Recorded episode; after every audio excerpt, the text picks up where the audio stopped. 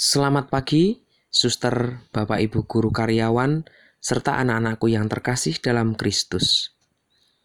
Marilah kita hening sejenak untuk mendengarkan sabda Tuhan sebagai bekal kita untuk melakukan aktivitas pada pagi hari ini.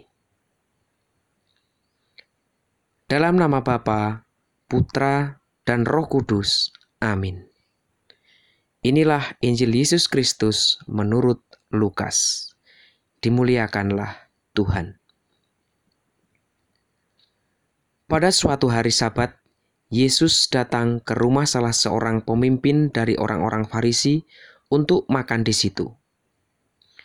Semua yang hadir mengamat-amati dia dengan seksama. Tiba-tiba datanglah seorang yang sakit busung air berdiri di hadapan Yesus.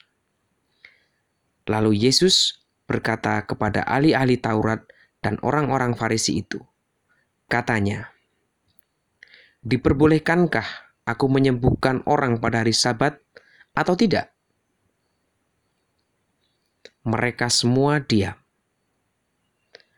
Lalu ia memegang tangan orang sakit itu dan menyembuhkannya, lalu menyuruhnya pergi. Kemudian ia berkata kepada mereka, Siapakah di antara kamu yang tidak segera menarik keluar anak atau lembunya kalau terperosok ke dalam sebuah sumur, meskipun pada hari Sabat? Akan tetapi, mereka tidak sanggup membantahnya. Demikianlah Injil Tuhan. Terpujilah Kristus. Suster, Bapak Ibu guru serta anak-anak yang terkasih, pada Injil hari ini Yesus kembali menyembuhkan orang sakit pada hari Sabat. Peristiwa penyembuhan yang dilakukan itu menjadi pelajaran yang amat berharga bagi orang-orang Farisi yang sangat taat terhadap peraturan. Akan tetapi, hati nurani dan rasa kemanusiaannya mati. Yesus ingin mengatakan bahwa di atas aturan itu masih ada hukum yang utama, yaitu adalah cinta kasih. Semua orang harus hidup dalam kasih, terutama untuk membantu orang-orang yang sedang sakit dan menderita.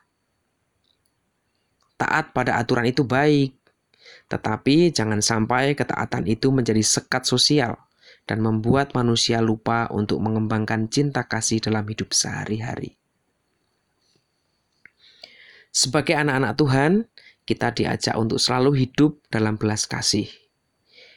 Di sekitar kita masih begitu banyak orang-orang yang hidupnya kurang beruntung dari segi ekonomi, pendidikan, lapangan kerja, kesempatan untuk berprestasi, dan juga informasi.